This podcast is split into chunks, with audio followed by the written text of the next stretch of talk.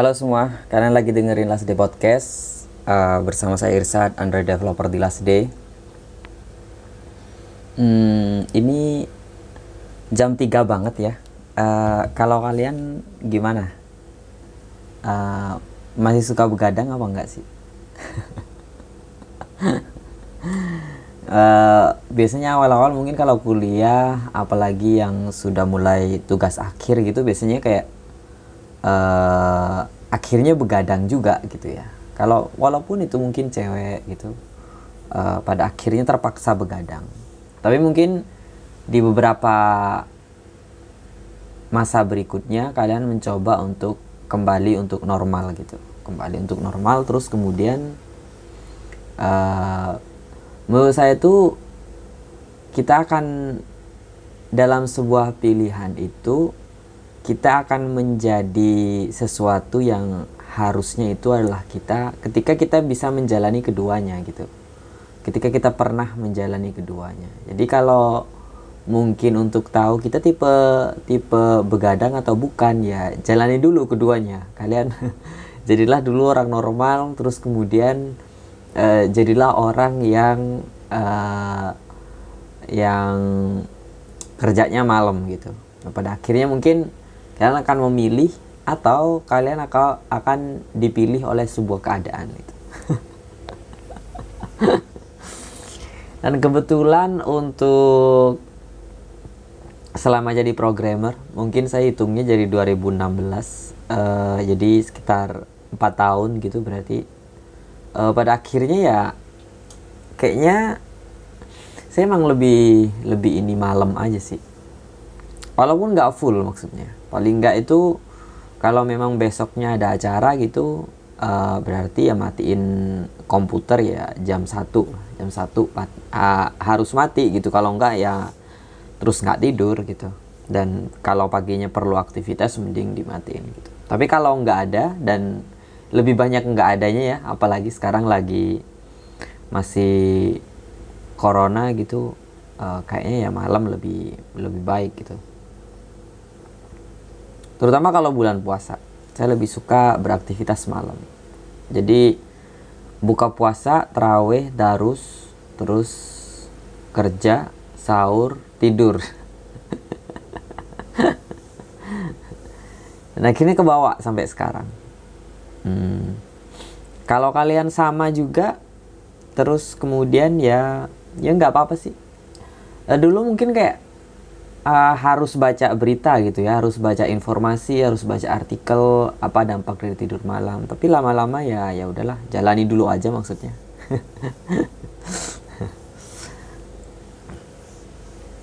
Ini hari Jumat, ini hari Jumat mungkin diupload besok hari Sabtu dan hari Jumat itu seperti biasa saya ngupload satu video di YouTube. Jadi uh, buat teman-teman yang mengikuti mengikuti apa series uh, Kotlin Android Retrofit di YouTube itu sekarang sudah video ke-8. Silahkan cek di sana. Uh, kalau masih baru belajar kayaknya cocok juga. Terus untuk uh, berita pre-order terakhir membuat uh, kalau tadi yang versi YouTube-nya kan teman-teman bisa akses free gitu. Terus untuk yang video kursusnya bersama Mas Aris dari Warung Belajar, uh, video kursusnya udah tersedia di Tokopedia. Udah tersedia, uh, deskripsinya udah lengkap di sana. Tinggal dibaca lagi, siapa tahu materinya cocok gitu uh, teknologinya adalah Kotlin Android pakai Android Studio 4.0 sekarang terbaru banget 4.1 jadi ya masih 4 gitu masih uh, masih bisa lah dipakai maksudnya hmm, cocoknya Android Studio itu versi versi depannya itu masih uh, yang dipakai sekarang gitu. Di 4, 4.1, 4.2 kayaknya perubahan nggak banyak gitu. Ini masih bisa dipakai. Open projectnya lebih mudah mungkin gitu ya. Ini tersedia juga. Uh, kemudian apalagi ya? Udah sih kayaknya info pembukaannya itu dulu terus kemudian kita akan cerita tentang drama Korea. Pembukaan aja 5 menit lama banget ya. Uh, oke okay, kita uh, dulu dulu itu saya kayak apa ya uh, kayak ngapain sih orang-orang lihat drakor gitu kan? Udah muka ceweknya kayak gitu semua cowoknya gitu semua gitu. Bukan bukan nggak ini bukan tidak tertarik cuman kayak ya akhirnya kalau lihat drama Korea itu uh, cantik itu sudah bukan ini lagi ya bukan tentang apa siapa yang cantik karena semuanya cantik gitu.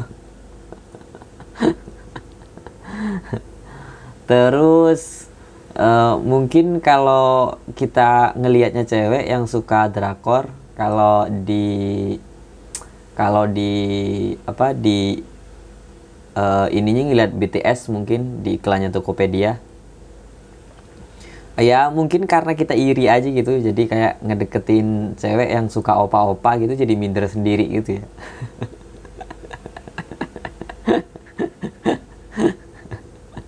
Makanya kadang kalau kita deket sama cewek terus kita kayak uh, kalau mungkin dia tahu kita nggak suka drama Korea kamu suka nonton drakor? Oh enggak.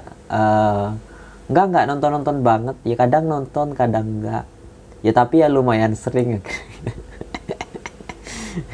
Uh, dia berusaha uh, cewek yang seperti ini biasanya berusaha menjaga perasaan kita gitu biar nggak uh, nggak nggak nggak langsung mundur gitu. Mundurnya pelan pelan gitu. Biar kita tidak merasa disakiti gitu ya. Tapi lama-lama tuh apa ya triggernya dulu ya uh, triggernya mungkin kenapa akhirnya saya lihat drakor? Dulu drakor pertama yang saya lihat itu saya lupa sih. Uh, lupa itu intinya random sih. Maksudnya belum merasa klik walaupun pada saat itu sudah tiga judul yang saya lihat. Barusan juga barusan itu maksudnya kayak awal-awal tahun 2020 gitu terus sampai akhirnya covid terjadi terus ya kegiatan di luar kan kayak hampir nggak ada gitu. Kayak webinar semua eh seminar semuanya jadi webinar gitu. Akhirnya ya semua terpaksa online terus kemudian ya kita sering baca bacanya di situ gitu. Sampai akhirnya itu masih drama Korea ya sampai akhirnya saya ketemu Blackpink. Blackpink terus nonton film dokumenternya uh, Light Up the Sky. Itu keren sih menurut saya. Maksudnya uh, saya lihat mereka dulu terus uh, biasanya tuh kalau saya suka sebuah lagu gitu saya langsung mencari Wikipedia tentang penyanyinya. Kalau history kalau storynya bagus saya coba dengerin musik lainnya gitu. Dan kemudian kalau di Blackpink kayak langsung langsung merasa keren karena dengerin sedikit terus lihat video videonya di YouTube terus kemudian mencari profil masing-masing Jisoo, Lisa gitu. Terus kemudian ketemu film dokumenternya. Jadi mungkin trigger yang paling besarnya ada di ketika saya nonton di Netflix gitu. Jadi ya ternyata mereka memang se seberjuang itu untuk mendapatkan uh, level yang sekarang gitu. Nah akhirnya keterusan lah setelah itu maksudnya akhirnya keterusan sampai akhirnya uh, datanglah datanglah sebuah film yang akhirnya sekarang rame banget ya. Film uh, drama Korea startup uh, Nam Dosan programmernya. Dan karena kita programmer mungkin kita tahunya itu gitu ya. Terus kemudian uh, setelah saya nonton itu sebenarnya ada film sebenarnya ada film sebelumnya. Jadi Itaewon Class itu keluarnya sebelum startup tapi saya nontonnya ketika uh, sambil nonton startup. Karena startup kan sampai sekarang terakhir episode 11 ya. Episode 11 apa 10 gitu. Sedangkan tahun kelas jadi seriesnya udah lengkap kalau teman-teman uh, langganan Netflix juga gitu. Jadi saya compare keduanya. Maksudnya kayaknya relate gitu. Sama-sama di Taiwan Class itu dibikin bikin usaha bikin usaha gitu.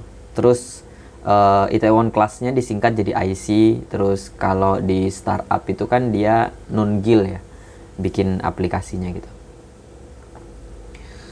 Dan dari keduanya itu apa ya yang ngerasa flashback sedikit lah kalau di startup. Dulu saya mulai kayak tahu istilah startup itu di kampus. Jadi kalau teman-teman masih di kampus uh, saya nggak tahu ya masa sekarang itu masih keren nggak sih kayak kalau dulu tuh apa ya meme paling saya ingat itu waktu saya saya masuk kuliah 2012 kan ya jadi masa itu tuh kayak banyak meme yang datang itu kayak kalau dulu mau keren itu kita harus jadi anak band. Kalau sekarang kalau mau keren nih kita harus jadi anak startup gitu.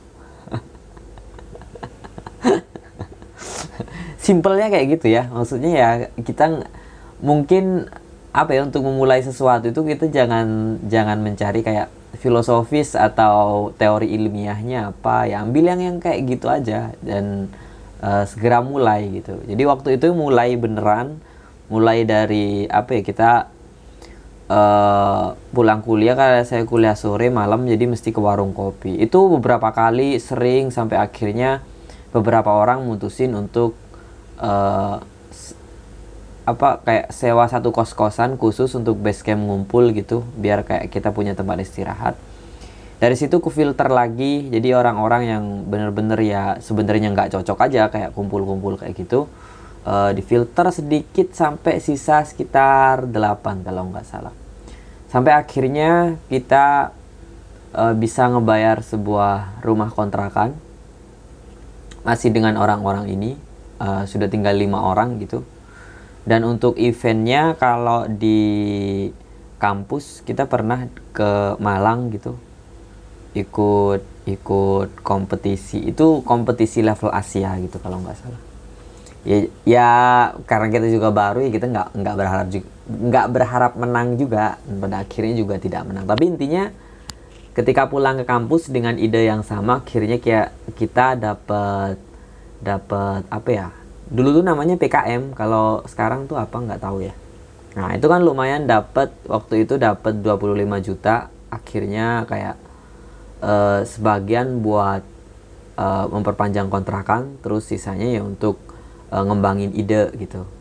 Akhirnya tempat kumpulnya di situ gitu. Tapi pada intinya kalau nginget masa-masa itu gitu ya uh, seandainya saya tidak pernah berada di masa itu maksudnya kayak bikin usaha sama teman-teman merasakan merasakan nuansanya mungkin saya akan coba walaupun sekarang gitu. Sekarang mungkin akan tetap saya coba gitu. Tapi karena udah pernah uh, karena sudah pernah jadi kesimpulan yang bisa tarik adalah uh, saya tidak pernah menyesal walaupun akhirnya uh, teman-teman ini sekarang bekerja di bekerja di tempatnya masing-masing uh, tidak pernah menyesal pernah bikin sesuatu sama mereka. Uh, tapi seandainya harus mengulanginya kayaknya saya nggak mau gitu.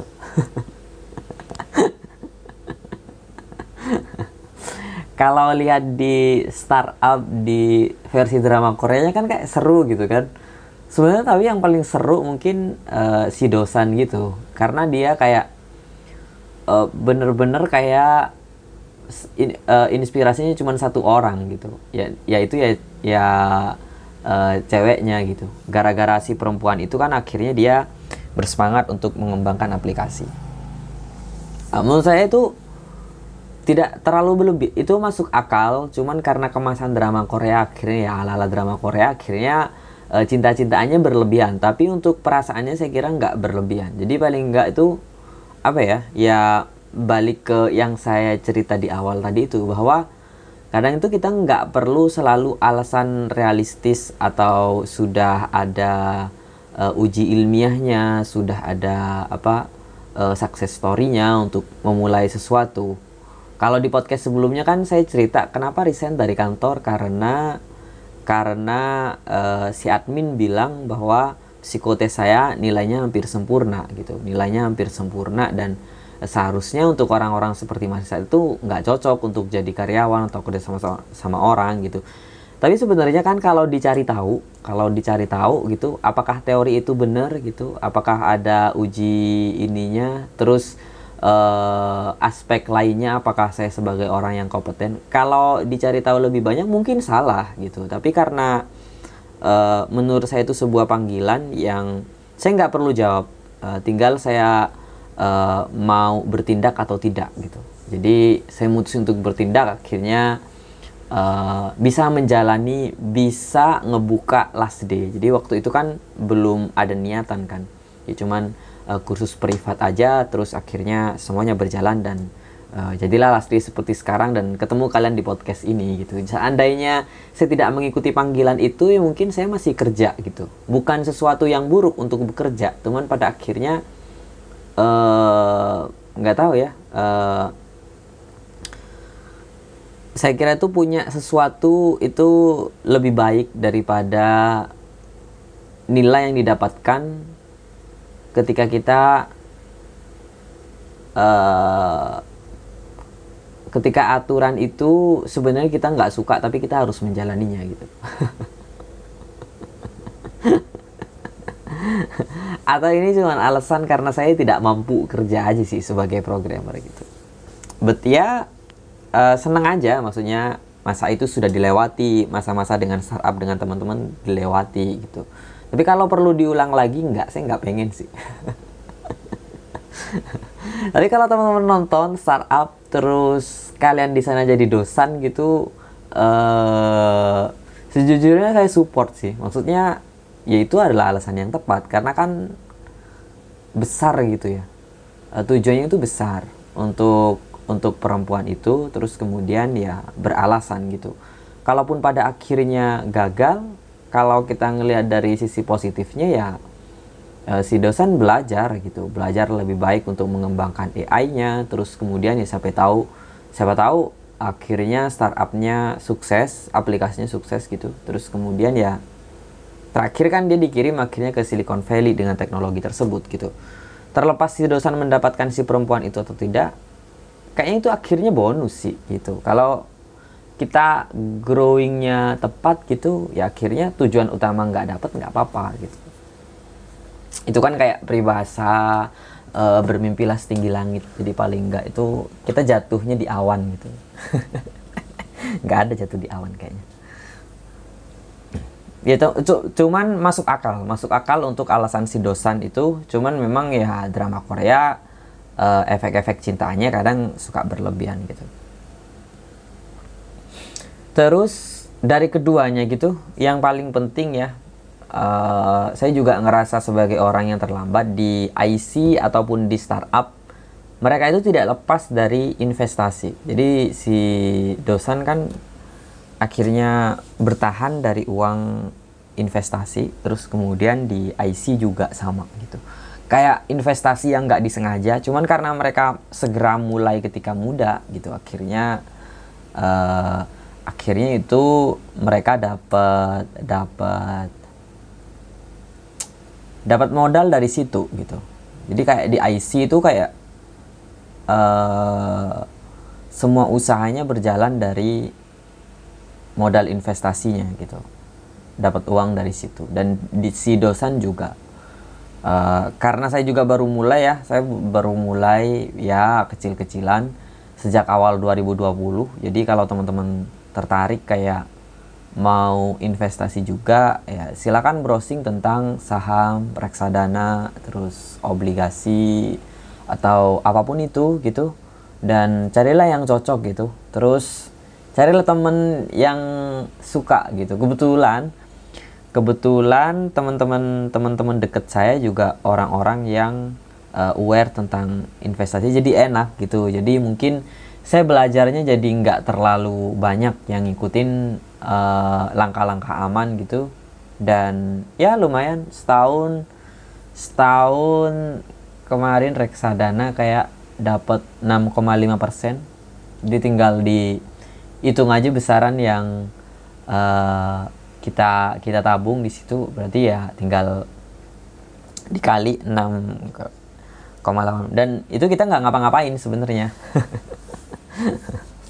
Ya menurut saya penting sih dan saya juga merasa terlambat. Jadi kalau teman-teman sekarang umur 20-an 21 22 uh, 23 gitu kayaknya tepat sih gitu. Jadi mungkin uh, kalau seumuran seumuran saya gini mungkin bisa mulai memetik hasil mungkin ya. Mungkin gitu. Uh, jadi silakan browsing sendiri. Itu pelajaran yang paling penting menurut saya sih terlepas dari drama-dramanya gitu. Itu kayaknya paling penting.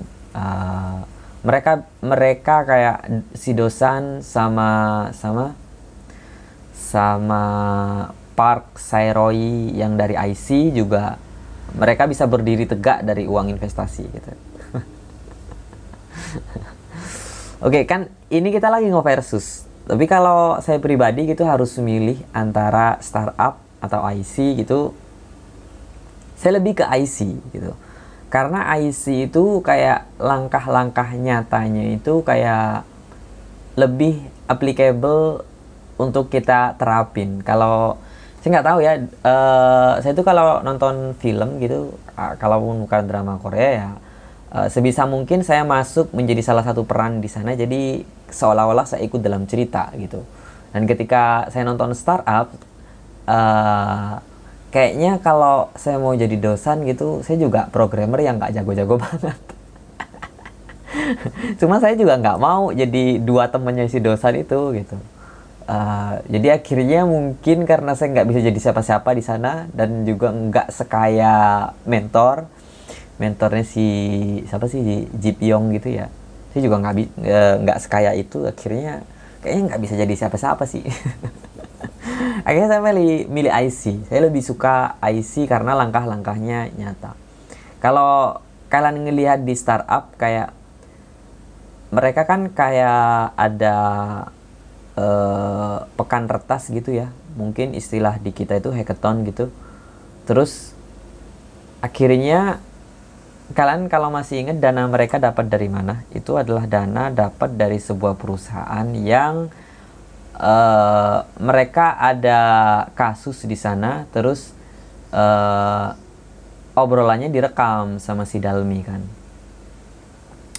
Uh, direkam terus akhirnya itu menjadi dijadikan sebuah ancaman agar diinvest. Itu sudah benar-benar nggak masuk akal sih menurut saya. Uh, uh, itu di dunia nyata ya masa kita mau melakukan tindakan seperti itu gitu ya. Itu nggak bisa banget kayaknya. Kalau di compare dengan si IC, jadi si IC itu kan kayak punya musuh musuh bebuyutan gara-gara si uh, Sairoi itu uh, orang tuanya dibunuh, akhirnya mereka mau balas dendam ke perusahaan besar. Karena si perusahaan besar ini tahu si tokoh utamanya mau mulai sebuah usaha, akhirnya yang mereka lakukan adalah uh, kontrakan uh, tempat sewa si si Sairoi ini mau di mau dibeli gitu. Mau dibeli jadi nggak bisa disewa lagi gitu. Harga sewanya dinaikkan kalau nggak salah. Harga sewanya dinaikkan. Apa yang dilakukan Sairoi adalah dia mengambil uang investasi. Nah makanya balik lagi ke uang investasi. Akhirnya dia beli gedung sendiri. Nah itu kayak langkah yang bener-bener kayaknya kita bisa gitu. Kalau kalaupun kita memang harga diri kita setinggi itu gitu ya dan kita benar-benar berus ber, uh, uh, mau untuk melawan orang lain ya kalau memang modal kita besar ya udah lawan aja gitu.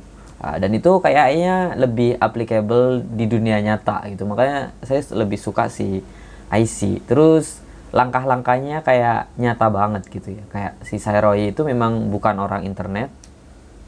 Jadi ya uh, terus satu hal lagi yang saya suka itu dia kan bikin cafe ya jualan makanan gitu. Sebenarnya dia nge-hire koki juga tapi uh, ada sebuah resep dari bapaknya yang dia turunkan ke Sairoi. Dia juga bisa masak dan rasanya enak gitu. Dan itu menurut saya keren sih uh, saya selalu suka dengan orang-orang yang bisa satu step uh, melangkah gitu jadi bisa mikirin bisnis, bisa mikirin manajerial gitu, tapi skillnya memang mumpuni gitu. Nah, biasanya saya ngefans sama orang-orang seperti ini, dan itu ada di di IC gitu. Sedangkan si dosan kan dia gagal kan ya. Akhirnya jadi CEO kan si cewek gitu. Ya walaupun pembagian saham di awalnya uh, si dosan dapat banyak karena memang uh, dia founder utamanya gitu. Tapi ya masih terlalu kanak-kanakan sih kayaknya. Jadi kalau kalian belum nonton si IC coba nonton. Memang di sana kayak uh, perangnya kadang kayak kelewatan karena di sana kayak sampai bunuh-bunuhan gitu ya uh, saya juga nggak nggak berusaha melihat aspek itunya uh, terus uh, apa ya yang hal yang realistis lainnya adalah si si Sairoi ini adalah orang yang berpikir tentang bahwa bisnis itu adalah tentang manusia. Jadi bagaimana dia menjaga timnya itu kayak uh, kayak sungguh-sungguh banget gitu. Jadi paling enggak ketika dia diputusin ketika hampir bangkrut gitu, uh, hampir bangkrut, uh, gagal dan sebagainya, harus mecat karyawan gitu. Dia enggak, dia tetap milih karyawannya untuk bersama dia gitu. Jadi kalau dari situ kan pada akhirnya kalaupun usaha kita gagal dari gagal itu kita dapat apa gitu kan kalau si si dosan kan memang tujuannya si cewek ya si cewek kalau gagal kalau kalau startupnya gagal gimana? Dapat cewek? Belum tentu gitu. Karena itu kan tentang dua perasaan yang ya kalau jadi teman bisa lah. Cuman kan dosan kayaknya nggak berharap jadi teman deket juga gitu. Dan si startup ini kayak lebih egois sih menurut saya. Karena dengan powernya si siapa si dosan dan timnya gitu. Terus trigger mereka adalah idenya dari neneknya uh, si cewek untuk ngebikinin aplikasi gitu. Ya bukan idenya tidak mulia ya cuman kalau hanya sebatas ide seperti itu seharusnya tidak butuh tim untuk membuat hal seperti itu. Ya tinggal si dosan aja bikin gitu. Terus uh, upload ke Play Store terus itu harusnya bisa lebih simpel dari itu. Kalau memang uh, mereka bukan nggak bisa benar-benar nge-breakdown bisnis modelnya kayak apa. Ya mending idenya ya diaplikasiin. Cuman memang uh, tujuannya lebih personal dulu aja gitu. Nggak usah maksain bahwa itu harus menjadi sebuah startup gitu. Gitu. Terus kalau di si IC itu serunya lagi ketika mereka terpaksa masuk ke komplek yang udah mati gitu ya.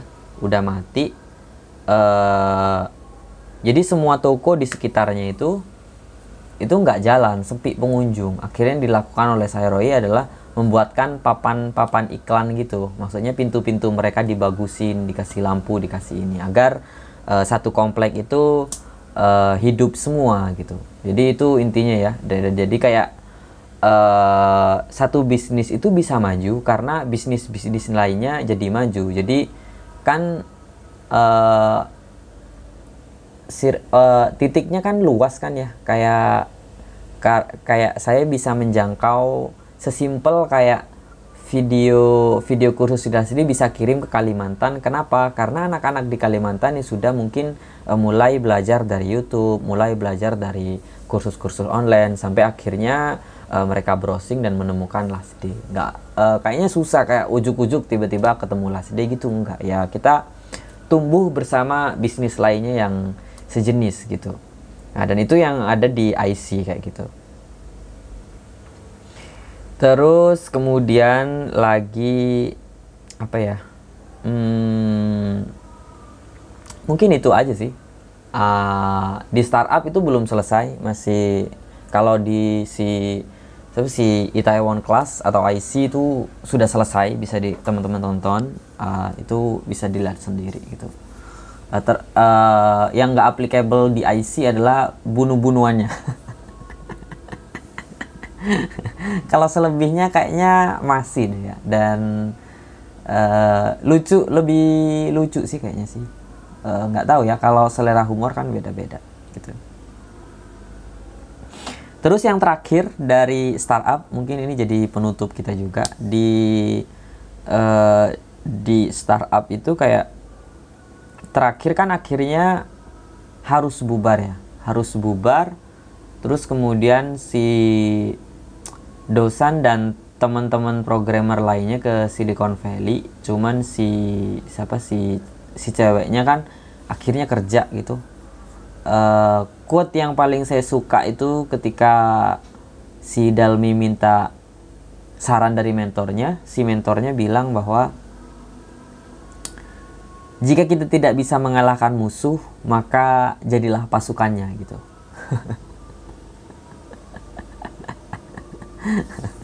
Nggak tahu ya kalau nggak nggak relate mungkin nggak tidak merasakan feelnya. Cuman uh, saya dulu dua kali sih dua kali kayak uh, saya pernah kerja di pabrik terus kemudian saya nggak di pabrik lagi karena ya di pabrik gitu-gitu aja saya rasa. Cuman pada akhirnya ketika uh, saya butuh akhirnya saya ke pabrik lagi gitu. Dan ya saya mengalami itu gitu.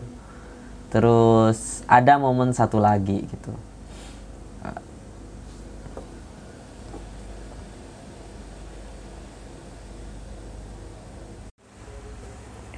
Uh, tapi nggak nggak perlu jauh-jauh ke dulu sih. Uh, sekarang sebenarnya juga masih sama gitu. Jadi uh, saya kira itu ketika udah resign udah terus kemudian menjalankan kursus privat secara freelance gitu. Terus waktu itu sempat terima project juga. Saya pikir uh, ya udahlah mungkin ini jalan saya gitu. Ya pada akhirnya kayak sekarang ya akhirnya saya balik kantoran lagi walaupun jadi remote worker gitu. Dan hmm, saya nggak tahu ya maksudnya saya juga nggak begitu in di kantor sebenarnya. Kayak kayak apa ya jadi pasukan tapi nggak bener-bener pengen jadi pasukan gitu. Uh, jadi mungkin kayak di WA group itu kalau dihitung lima orang uh, yang paling pasif, yang paling uh, sering nggak muncul gitu, kayaknya saya salah satunya gitu. Tapi kemarin sempet kayak nongkrong sama temen ya, yang ngobrol berdua gitu. Gak tahu sih kalau dari dulu sebenarnya saya kurang suka ngobrol sampai 4 5 orang apalagi rame-rame gitu. Saya suka berdua, bertiga gitu. Ya, jadi lebih intimate gitu. Uh, jadi kalau berdua gitu biasanya saya sampai 4 5 jam ya. Kemarin kayak obrolan terakhirnya adalah tentang ini, apa namanya? Uh, dulu itu saya ngelihat orang yang kayak males-malesan belajar apalagi ketika mulai jadi mentor programming gitu ya kayak uh, orang ini kok males sih? gitu. Uh, padahal kan dia bayar gitu. Kayak di kuliah ada orang yang kayak males ngerjain tugas tip absen uh, terus kan kalau dibalikin lagi dengan posisi saya sekarang kerja di kantor akhirnya adalah uh, selebih kebuka tentang hal-hal tersebut gitu akhirnya sekarang yang terjadi adalah kayak orang belajar datang tapi males belajar gitu. Uh, mungkin dia hanya sekedar melakukan tanggung jawab atau mungkin dia sedang mencari kesempatan lain. Karena uh, sebenarnya di rumah dia sudah punya kayak kerjaan gitu. Kalau dibalikin ke mahasiswa mungkin kenapa mahasiswa ini males ngerjain tugas? Kenapa tip absen? Ya, mungkin orang tuanya udah kaya gitu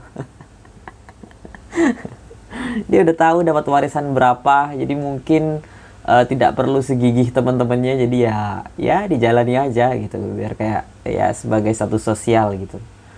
Kayak ijazah itu nggak penting yang penting skill gitu. Kayaknya buat orang-orang yang udah uh, kaya dari rumah gitu mungkin dua-duanya nggak penting buat dia dan sekarang uh, ya itu yang saya rasakan sih. Maksudnya lebih mak lebih bisa memaklumi untuk orang-orang tersebut. Karena mungkin saya menjadi orang itu di kantor sekarang. Jadi karena saya ngerasa uh, kerja di kantor terus ternyata uh, kerjaan gak beres ya udah pulang uh, adalah sedih juga di rumah gitu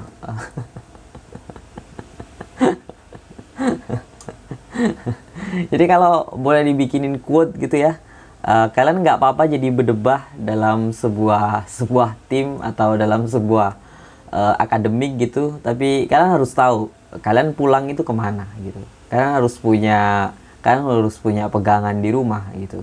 Entah orang tua kalian kaya atau uh, kalian ngerasa bisa bertahan hidup dengan cara kalian sendiri gitu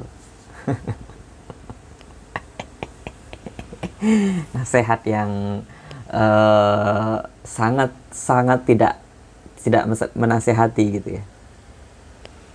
Mungkin itu dulu ya dan uh, kita lama nggak Q&A Q&A the last day. Pertanyaan yang terakhir kemarin sempat ada beberapa di DM Instagram ada di WhatsApp itu ada.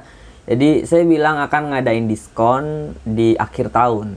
Uh, uh, apa year end sale gitu ya biasanya ya diskon akhir tahun lah itu ada nanti insya Allah kalau saya lupa tolong diingetin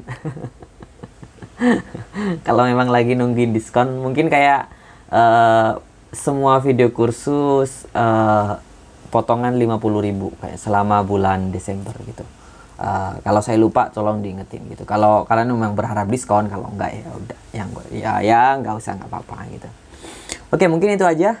Uh, sampai ketemu di episode berikutnya. Oh, tadi saya tadi sore saya posting. Jadi buat teman-teman yang pengen curhat gitu, sudah ada postingannya di Instagramnya @lastdaypodcast boleh di kolom komentarnya, boleh DM di sana, nanti kita coba bahas di podcast gitu. Kalau menarik banget mungkin kita bisa ngobrol, jadi kalian bisa jadi narasumber gitu, tapi nggak usah berharap banyak. saya sedang menikmati momen-momen uh, saya bisa monolog uh, setengah jam aja sih, jadi kayaknya ya narasumber nanti nanti dulu aja lah, gitu. Tapi kalau mau curhat, oke okay, nanti kita bahas. Mungkin nggak di sesi pot nggak jadi topik utama mungkin bisa jadi uh, eh, Q&A mungkin itu aja. Uh, sampai ketemu di sampai ketemu di episode berikutnya and see you guys